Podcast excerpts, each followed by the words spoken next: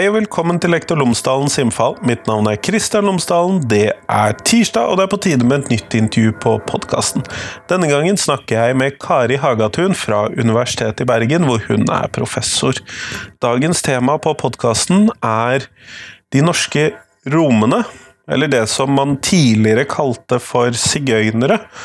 Nå bruker man begrepet romer, og det er eh, en gruppe som tradisjonelt sett har hatt veldig lav skolefaglig tilknytning. Eller lav skoletilknytning. Og det har de til dels fremdeles. Og jeg snakker med Kari Hagatun om hva vi vet om deres skoletilknytning i dag, og hvordan eh, vi man jobber med det når man får elever med den bakgrunnen på skolen. Hva er det som er særskilt, hva må man tenke på? Eh, ressurser osv. Så videre. sånn at det er dagens tema på podkasten. Ellers, podkasten er som alltid sponset av Fagbokforlaget, og Fagbokforlaget utgir bøker og digitale læremidler for hele utdanningsløpet, fra barnehage til høyere utdanning og profesjonsstudier. Og på fagbokforlaget.no så vil du bl.a. finne en bok for lærere i grunnskolen om planlegging, undervisning og vurdering i samfunnsfag, og den kom ut nå i våres. Den tror jeg kan være kjempeinteressant. Hvis du heller bryr deg om andre fag i skolen, så finner du læremidler og fagbøker på fagbokforlaget.no for det aller, aller meste. Så sjekk ut det. Men her kommer intervjuet med Kari Hagatun. Vær så god.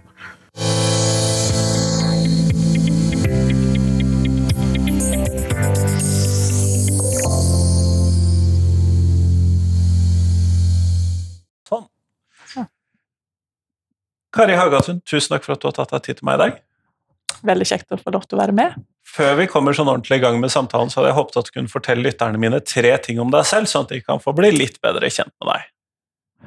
Ja Nei, hva skal en begynne med, da? Um, jeg er jo uh, en, Har jo gjort en uh, doktorgrad her på Universitetet i Bergen, uh, som jeg disputerte for i fjor. Men jeg har jo et uh, lengre liv uh, bak meg før den tid. så vi skal jo snakke ganske mye om det prosjektet litt seinere. Så kan jo kanskje starte med å fortelle at jeg har vært uh, lærer i mange år tidligere. Så jeg har vært i ungdomsskolen og fått lov til å jobbe med, med ungdommer i ja, 14-15 år. Um, så det er jo kanskje en litt sånn viktig ting um, å ha med seg. Um, og så bor jeg på Osterøy. Bor utenfor Bergen. Um, har to barn som har begynt å bli, bli voksne. Så er det noe mer, mer Nei, det typisk ut... som en pleier å fortelle i denne sammenhengen? Nei, nå har du fått med jobber med, driver med utdannet som og ja. Eh, familiesituasjon, sånn ja. at da ja. er vi i mål da. Men dette prosjektet ditt, Fortell mm. om det. Ja um, Jeg har jo gjort en um, et, det vi kaller for et sånt etnografisk prosjekt. Det vil si at jeg har jo vært opptatt av å finne fram til uh, opplevelser og um, tanker folk sjøl har. Uh, og da har jeg jobba med en gruppe som vi kaller for romer i Norge. Det er det offisielle navnet nå. Som er en av Norges nasjonale minoriteter. Og det er jo en ganske liten minoritet i Norge. Det er sånn rundt ja, 700 mennesker, pleier vi å si, men vi vet rett og slett ikke, fordi vi har ikke lov til å telle folk etter etnisitet i norsk sammenheng, noe som kan både være bra og av og til litt sånn dumt. Også, Frustrerende for, for forskere, kanskje mest? ja, for forskere, men også tenker jeg at Norge har jo blitt kritisert for dette her også i, i forskjellige sammenhenger i, i, av forskjellige institusjoner i, Europa. Også fordi at vi altså F.eks. skolesystemet og det politiske systemet da ikke på en måte må stå til ansvar heller skikkelig for hvordan det går med, med grupper over tid. Sant? Eh, vi vet rett og slett ikke eh, så mye om hvordan f.eks. folk fra en gruppe gjør det i utdanningssystemet i, i, i Norge. Det, det, blir mer sånn historier og ikke, ikke, tall. Men når vi snakker da om rom, hva mhm. snakker mm. vi om da?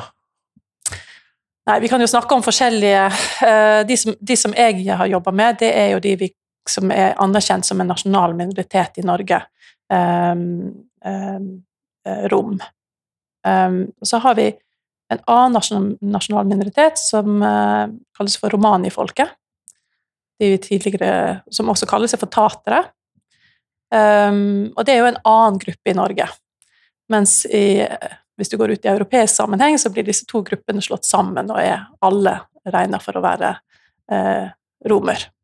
Um, og så har vi jo disse som eh, kanskje folk flest forbinder med romer med en gang de hører eh, begrepet, og det er jo kanskje de som du, du ser rundt om på sånn typisk på, på gatehjørner. Um, gjerne sommerstid uh, i uh, større norske byer, f.eks.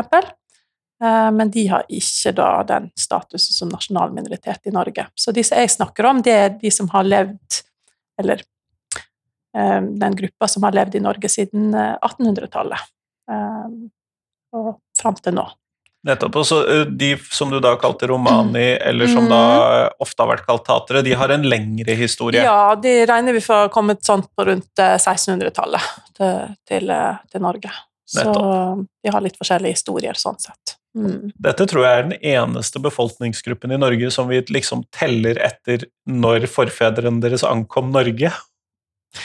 Ja, eh, det kan du si. Altså, de nasjonale minoritetene har det til felles at, eh, at de er anerkjent som minoriteter som har en eh, lengre altså historie i norsk sammenheng.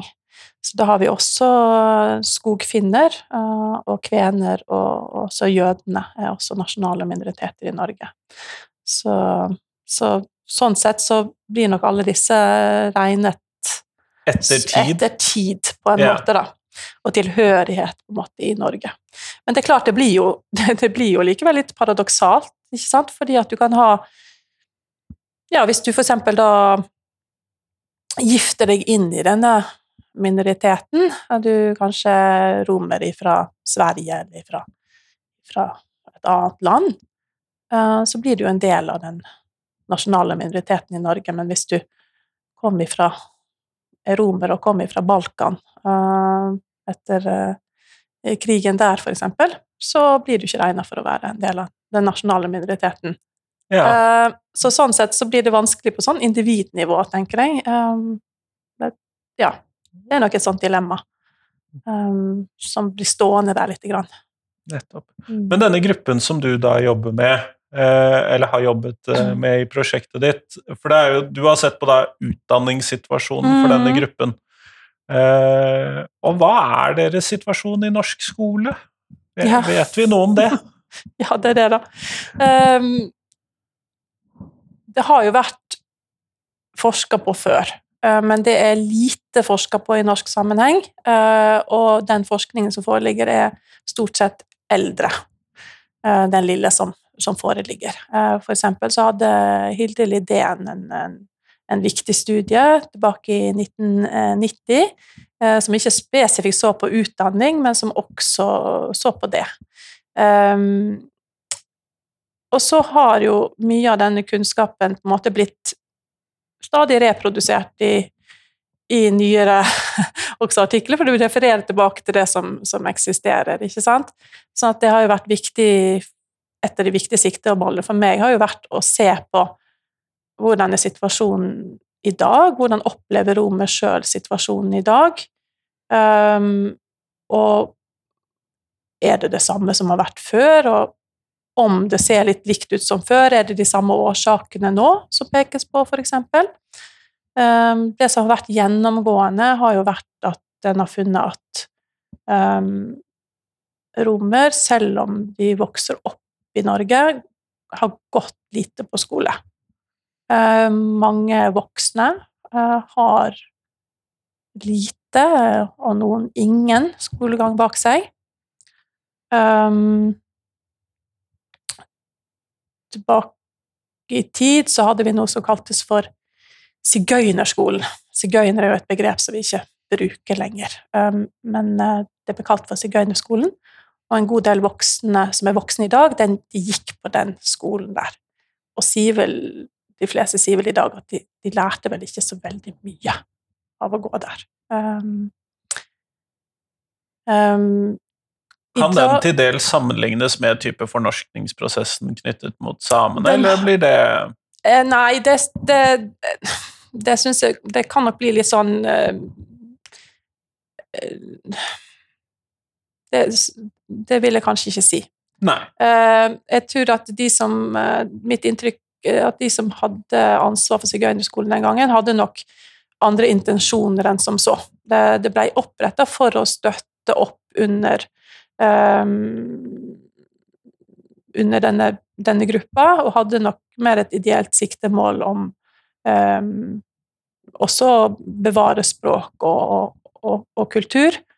Uh, men um, fikk nok aldri noe sånn helt sånn uh, Dreisen på det? Dreisen på å eh, få til på en måte en slags skole uh, altså der som, som, ga på en måte kvalifikasjoner til de som, som gikk der da, over tid.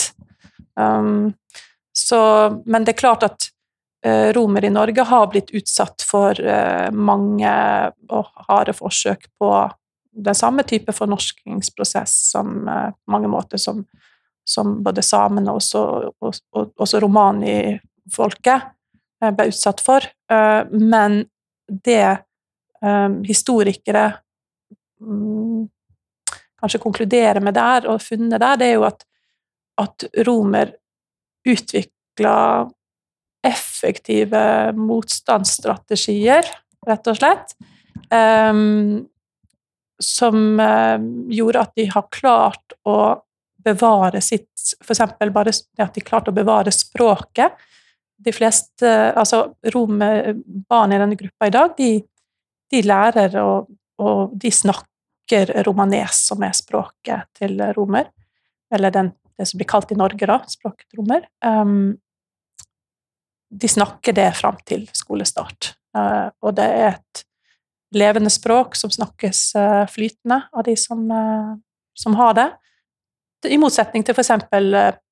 Uh, romani, som snakkes av av eh, romani-folket, eh, som et mer eh, fragmentert språk, som kanskje snakkes i, i situasjoner der en har lyst til å uttrykke noe spesielt, eller, men som ikke er et levende språk på samme måte, kanskje, da, i en hel gruppe, sånn som for Så det sier jo litt om romer sin evne til som gruppe å ha klart å bevare eh, sitt eget. Um, og så kan jeg jo tenke at det også har vært gjort det vanskelig eh, på noen måter, ved at f.eks. utdanning og skole har jo blitt også en plass kanskje å frykte eh, historisk. Fordi at det har vært en plass der, der eh, romere opplevde at de har blitt eh, forsøkt fornorska. Nettopp. Men, øh, og dette var jo da situasjonen slik den var før, men hvordan ser dette ut i dag? Hva fant du ut Ja, ja hva fant vi ut? Det er liksom skrekken for alle uh, forskere, og kanskje særlig sånn kvalitative forskere som meg. Liksom, hva var dine hovedfunn? Um, nei, altså uh, Og så blir det lett å, å, si at det er veldig komplekst, og det er det. Det er absolutt veldig komplekst. Det er jo um, men hvis jeg skal si sånn, noen sånne indikasjoner, kanskje, eller noe som jeg, noe som jeg ser, i alle fall, det er at um, Det er at kanskje flere barn nå går mer på skole enn de gjorde før. Uh, noen barn går mye på skole og går på skole egentlig hele tiden. Um, som andre Og nå tenker du på dager i uken-type ting? Nå, nå altså. tenker jeg på dager i uken og året igjennom. Um, mens andre barn og unge som jeg har møtt, går fremdeles mer sporadisk på skole.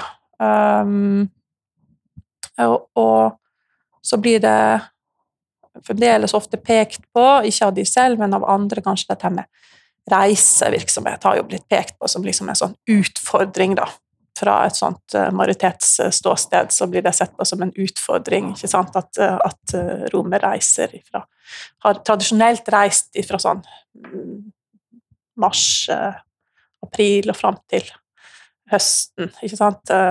oktober, typisk. Men nå er det veldig få som egentlig reiser lenger. Um, så vi kan ikke si at det er det måte, er årsaken. Um, så det som har vært i mitt prosjekt, det har jo vært å se mer på hva er det for noen årsaker som blir synlige, som ikke ligger liksom i denne gruppa sjøl, og på en måte disse her Det har vært en sånn gjennomgang eh, i, altså gjennomgående i forskning, det at en har vært veldig opptatt av å se på hva som ligger og sånne slags kulturelle forklaringer, da, som det blir kalt.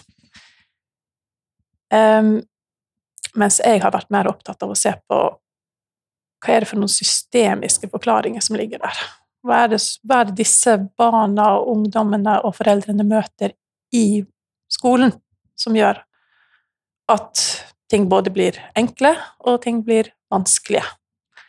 Eh, og det er også veldig kompliserte ting å se på, selvfølgelig. Det ligger på veldig mange forskjellige nivåer. Da er det nok lett, Eh, nesten lettere å se på kulturelle årsaker enn Det blir nok veldig lettere, mye lettere. Og jeg, jeg sier jo ikke at ikke det ligger også for eksempel eh,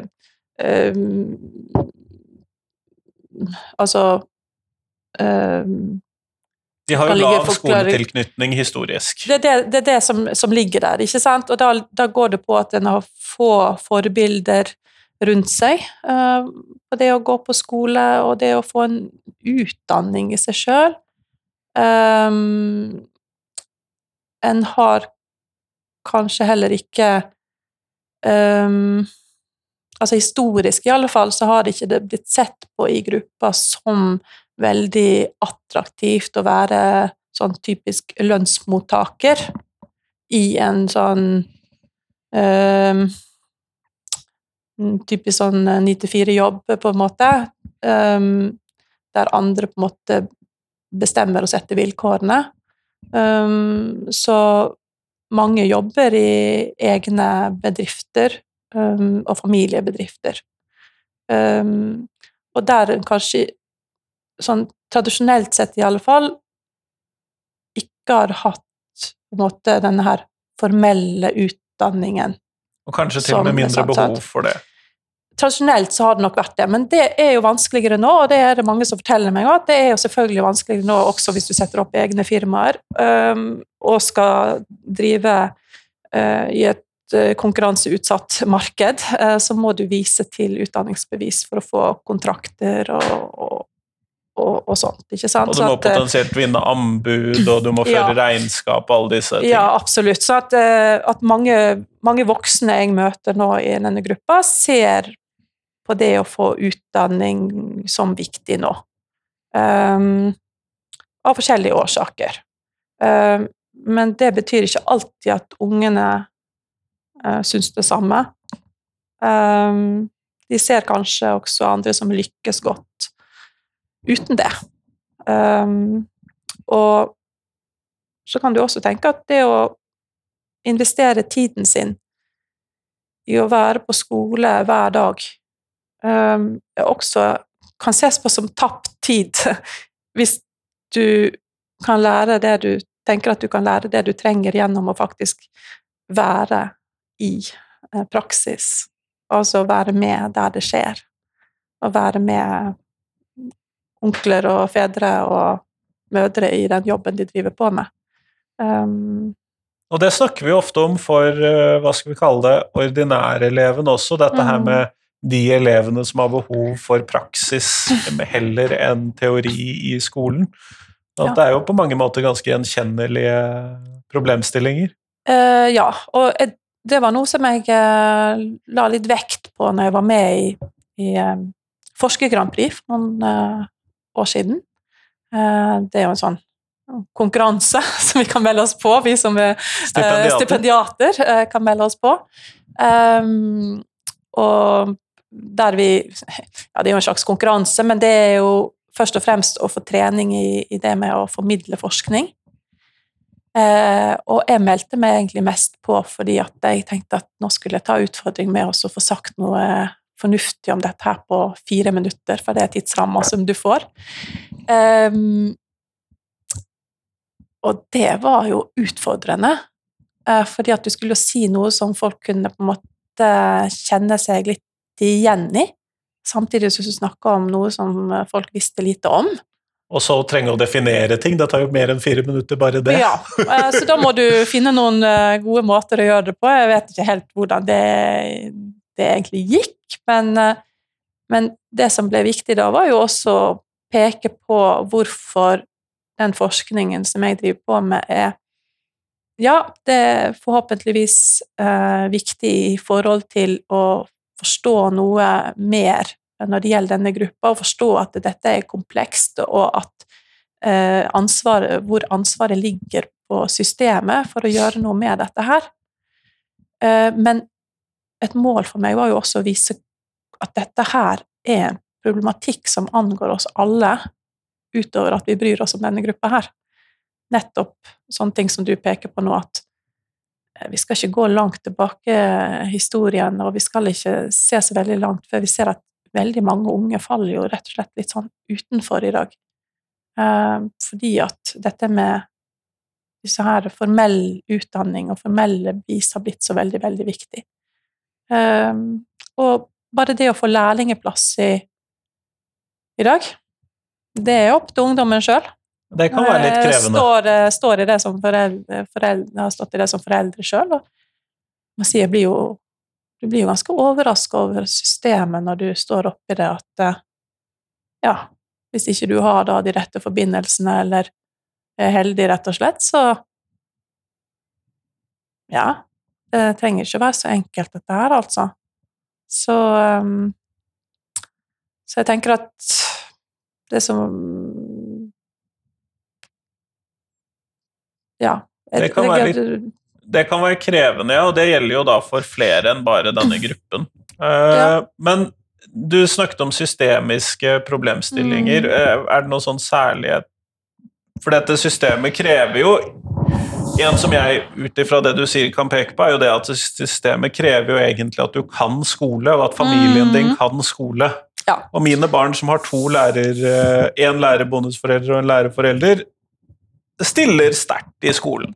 Ja, det, og det vet vi jo. Altså, vi, vi, vi vet jo det fra, fra annen forskning også, uh, og undersøkelser, at um, foreldres bakgrunn og altså får, har mye å si. Sant? Kan, kan en dette systemet? Blir, det, blir kunnskapen og, og, det som ungen har med seg, på en måte gjenkjent som verdifullt uh, i skolesystemet, så lykkes en også bedre. Sant? Og også for foreldre å manøvrere, rett og slett, i systemet. Uh, så, så, det at du ikke har gått på skole selv i særlig stor grad, uh, også kanskje uh, har kjent en frykt for dette her, som, som, gruppe, tidligere i alle fall, så finner jeg foreldre som er veldig ivrige og opptatt i dag av at ungene skal på skolen og være på skolen. Uh, og jeg har skrevet en av artiklene mine handler om, uh, om uh, mødre som, som, står på, virkelig. men som likevel opplever at dette er vanskelig. og det er forskjellige utfordringer, da. Det ene er jo det at, at noen opplever at selv om de sjøl er veldig motiverte, så er ikke ungene nødvendigvis det samme. Og når jeg møter deres unger på skolen og følger opp de, så forteller jo de meg at ja, jeg er her bare fordi at uh, mamma, sier, mamma at sier, at jeg må. Eller pappa og mamma eh, er så opptatt at jeg skal være her. At jeg må være her. Men har, altså, det gir meg veldig lite å være her. Og, og, eh, og så er det jo det med at uh, at de strever med uh, Disse mødrene da, strever også i møte med skolen, med forventningene som skolen stiller at eh, de blir ofte mistenkeliggjort. Um, for eksempel um, hvis da barnet skal være eh, borte fra skolen en stund pga. sykdom, for eksempel, så er terskelen, er terskelen lav for å melde til barnevernet, eksempel. Sikker på at dere ikke bare skal ut og reise, liksom? Ja. ja. ja.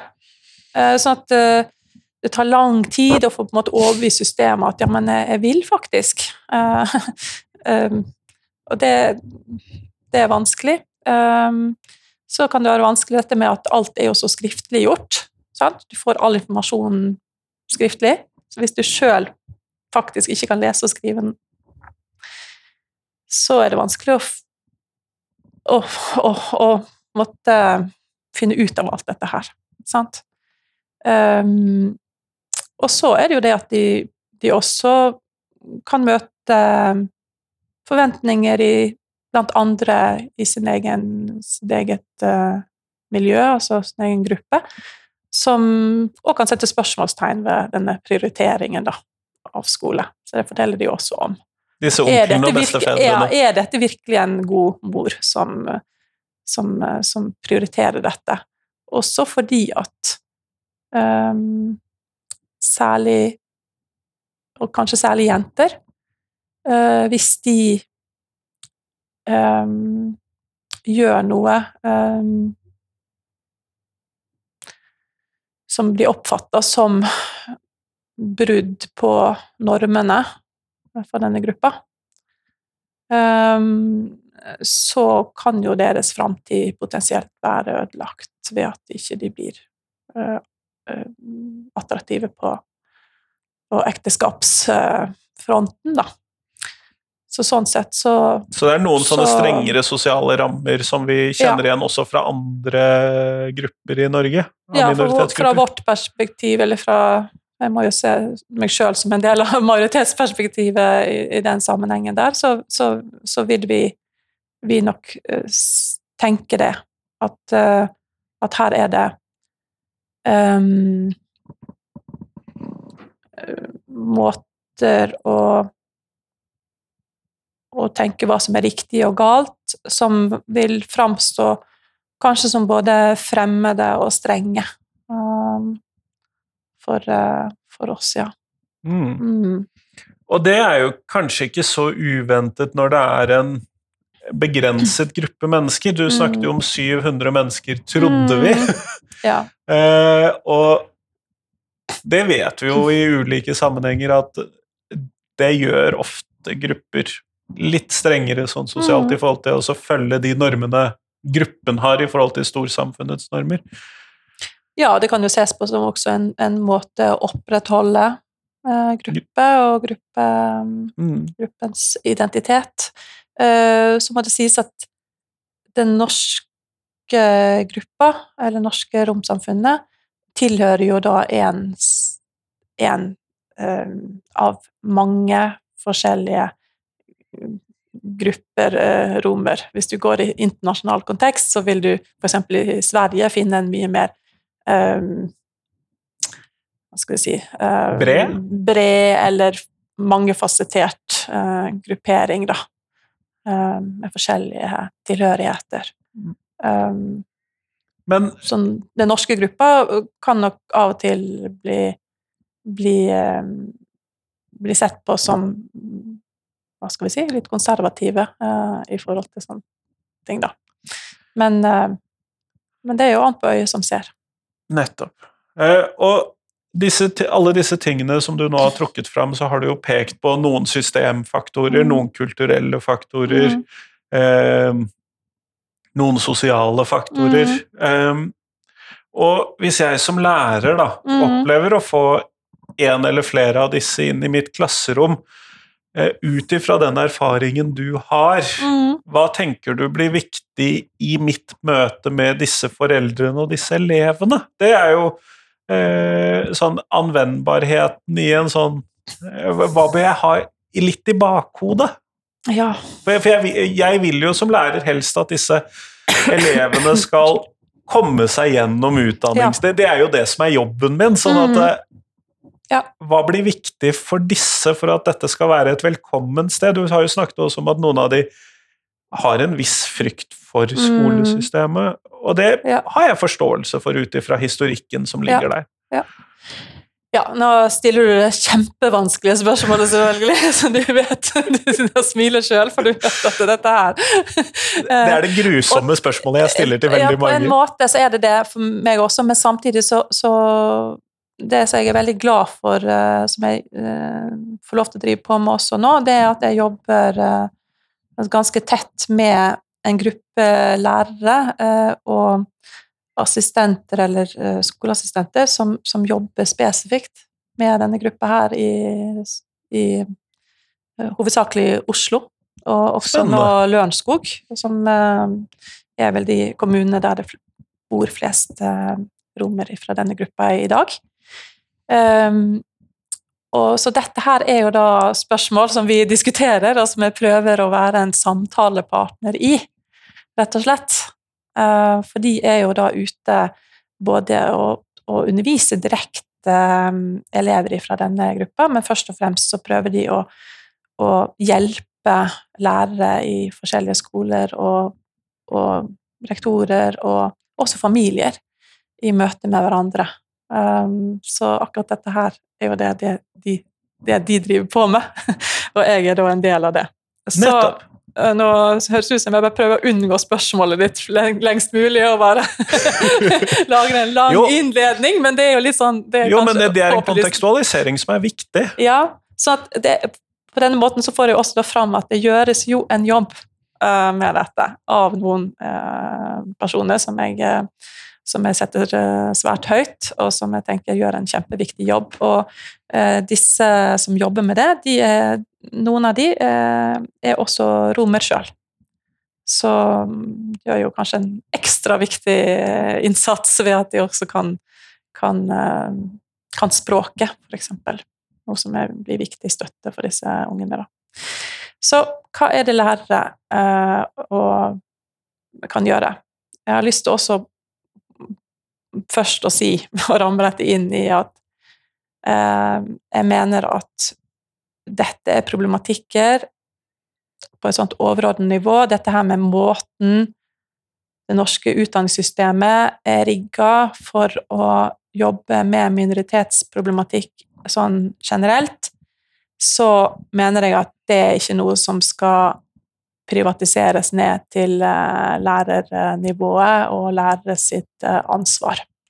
Her er det større sånne strukturelle endringer som jeg mener må til for at eh, en skal virkelig kunne møte en sånn gruppe som dette her på en god måte. Og ikke minst inkludere en sånn gruppe som dette. Og jeg har av og til kalt og sagt at eh, romer kan ses på som, eller denne gruppa her, og den utdanningssituasjonen som vi ser, at det kan ses på som en lakmustest for det norske utdanningssystemet. Og med det så mener jeg at her har vi faktisk en gruppe som viser motstand, som ikke lar seg inkludere på de premissene som er satt. Eh, og når jeg snakker om disse mødrene som, i stad, som, som prøver alt de kan, de er også aktive i å forhandle med skolene på hva skolene må gjøre for at dette skal fungere. Så de er heller ikke på en måte bare ute etter å finne ut hva, hva vil skolene oss, og så prøver vi å innordne oss det. Så de også viser eh, denne Altså mye vi kan lære av, da, mener jeg. Um, fordi at vi har et skolesystem som i stor grad forutsetter det vi kaller for assimilering for at du skal lykkes. Det vil si at du, du skal innordne deg det som allerede ligger der. Og, Til den middelklassekulturen som eksisterer i ja, skolen. og verdiene som ligger der. Um, og det kan høres veldig litt sånn radikalt ut, men det, dette gjelder for mange eh, både minoriteter, også når vi kaller det så er det mer sånn etniske minoriteter, som går på etnisitet og kultur og sånt, men det gjelder også i forhold til klasse, som vi snakker veldig lite om i norsk kontekst, fordi at vi ser på oss sjøl som en sånn bare en diger middelklasse. Men det er faktisk ikke realiteten heller. Det er mange middelklassemennesker i Norge. Det er mange middelklassemennesker i Norge, det er det absolutt. Men, men det kommer litt an på hvordan vi ser det, og hvordan vi definerer ting. Eh, og vi kan se på også dette med bygd og by, og hvilke verdier og sånt som, som dominerer og, og sånt. Så jeg mener jo at vi skal ha et utdanningssystem som i større grad um, er i stand til å konti- kontinuerlig reforhandle um, på en måte hva som gjelder. Og det har vi jo sett fra andre grupper, og når man har sett på nettopp klasse, mm. at man at norsk skole er dårligere til å fange opp og få med seg de som Mm. kommer med en annen klassebakgrunn også. Mm. Ja. Sånn at, sånn at eh, bare, nå, nå bruker jeg masse tid på å ramme inn at, denne læreren, da. Men, men, men dette er jeg veldig altså Det er jeg opptatt av. At ja, selvfølgelig. Det er mye lærere og skole nå kan gjøre i møte, og det skal de gjøre i møte med disse elevene. De står her nå, og de kan ikke vente til vi har fått gjort hele den jobben med utdanningssystemet, hvis det noen, noen gang kommer til å skje. Men, men samtidig så, så, så, så, kan vi ikke tenke at jobben uh, blir ferdig der. Det, det blir viktig å ramme det inn på. Så når det er sagt, da, så hva kan lærere, lærere gjøre? Um, nå er jo min studie ikke sånn at jeg kan generalisere noen sånne Dette er oppskriften. Det, det er feil. Men jeg kan iallfall peke på, på noen ting som jeg tror er viktig. Det ene er jo det å forstå at um, at en må snakke med, og ikke bare drive på å skrive. Og og skrive til. Og legge brev med, og sende ut på nett og sånn. Men at det faktisk tar inn over seg eh, at foreldre kan Og det er ikke sikkert at foreldre har lyst til å fortelle selv heller, at ikke alle kan lese og skrive. Og det trenger ikke bare gjelde rom heller. Så det er kanskje noe av det som er viktig å, å forstå som et sånt viktig premiss, at her må en snakke sammen. Og en må Og så tror jeg også det å legge godviljen til, altså det å tenke tenke positivt, prøve å tenke at uh, at hvis det oppstår problemer, at, at ting kan løses.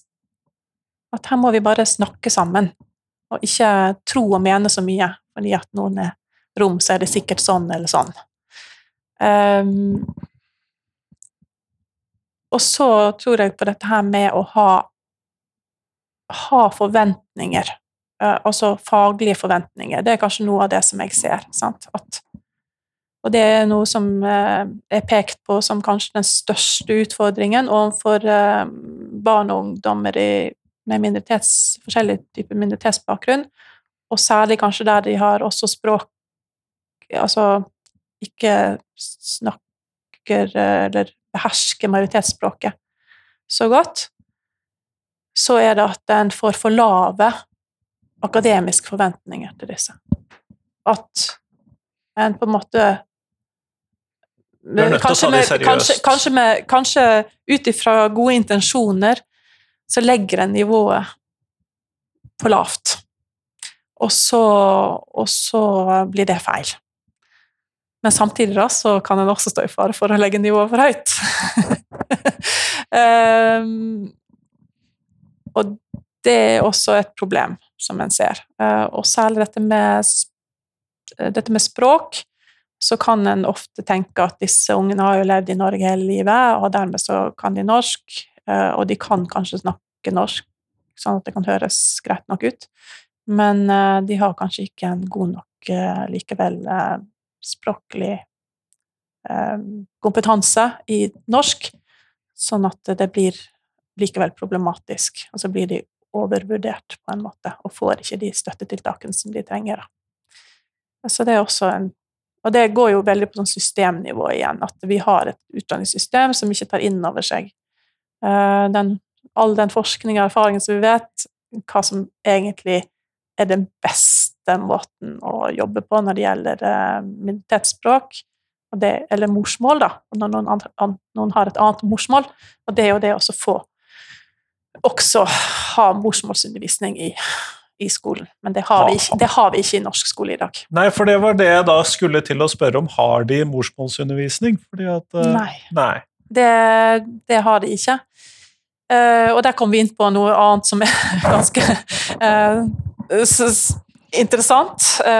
og det er jo det at denne gruppa her det kan være lett å si at ja, men å, denne, hvorfor skal denne gruppa her ha noen spesiell en måte tilrettelegging og sånne ting? Ja, de, vi har jo anerkjent de som minoriteter. Og hva vil det si egentlig?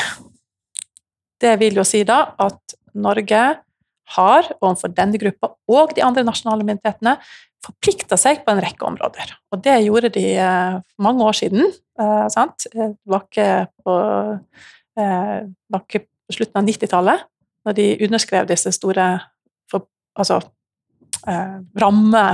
Disse konvensjonene. konvensjonene. Eh, for eksempel så forplikta Norge seg til å opprettholde, hjelpe å opprettholde og, og, og, og utvikle uh, disse gruppene sin språk og kultur i samarbeid med gruppene sjøl. Innså politikerne hva de skrev under på? det skal ikke jeg uttale meg om. Uh, men um, Men de hadde sikkert de beste intensjoner.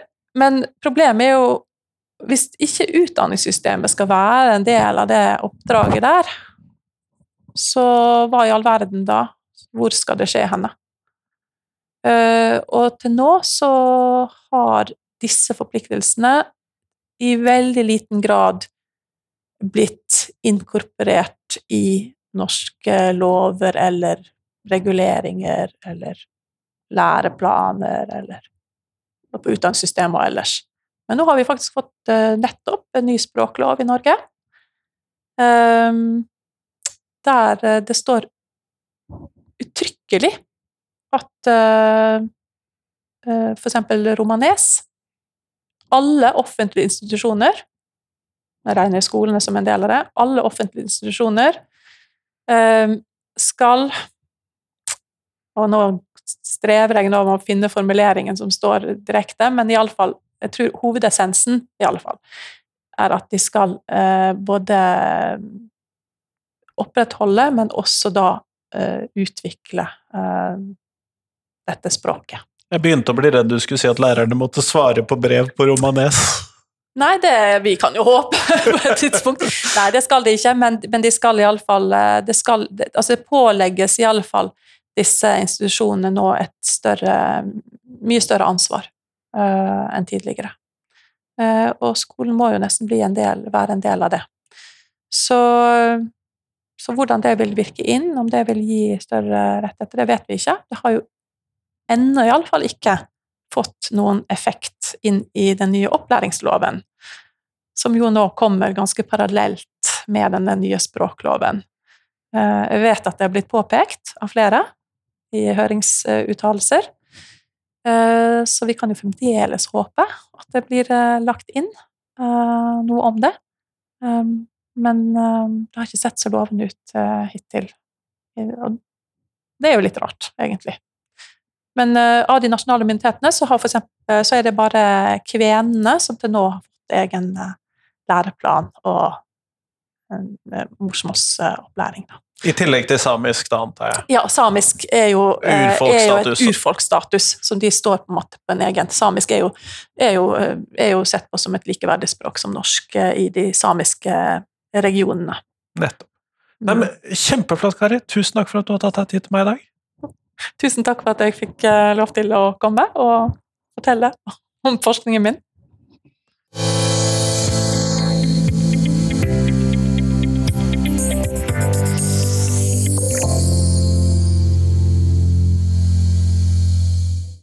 Tusen takk til Kari, og tusen takk til deg som hørte på. Nå er det en uke igjen til et nytt intervju på podkasten, men allerede på fredag så får du med deg en repriseepisode. Det gleder jeg meg til, og akkurat som jeg gleder meg til de nye episodene. Men øh, jeg trenger tips, og jeg trenger at du deler podkasten min med noen som du vi tror vil sette pris på den. Enten du deler én episode eller hele podkasten, eller hva du gjør. Men del gjerne podkasten min med noen, det blir jeg utrolig glad for. Men nå, nå får du ha en fin uke. Hei, hei!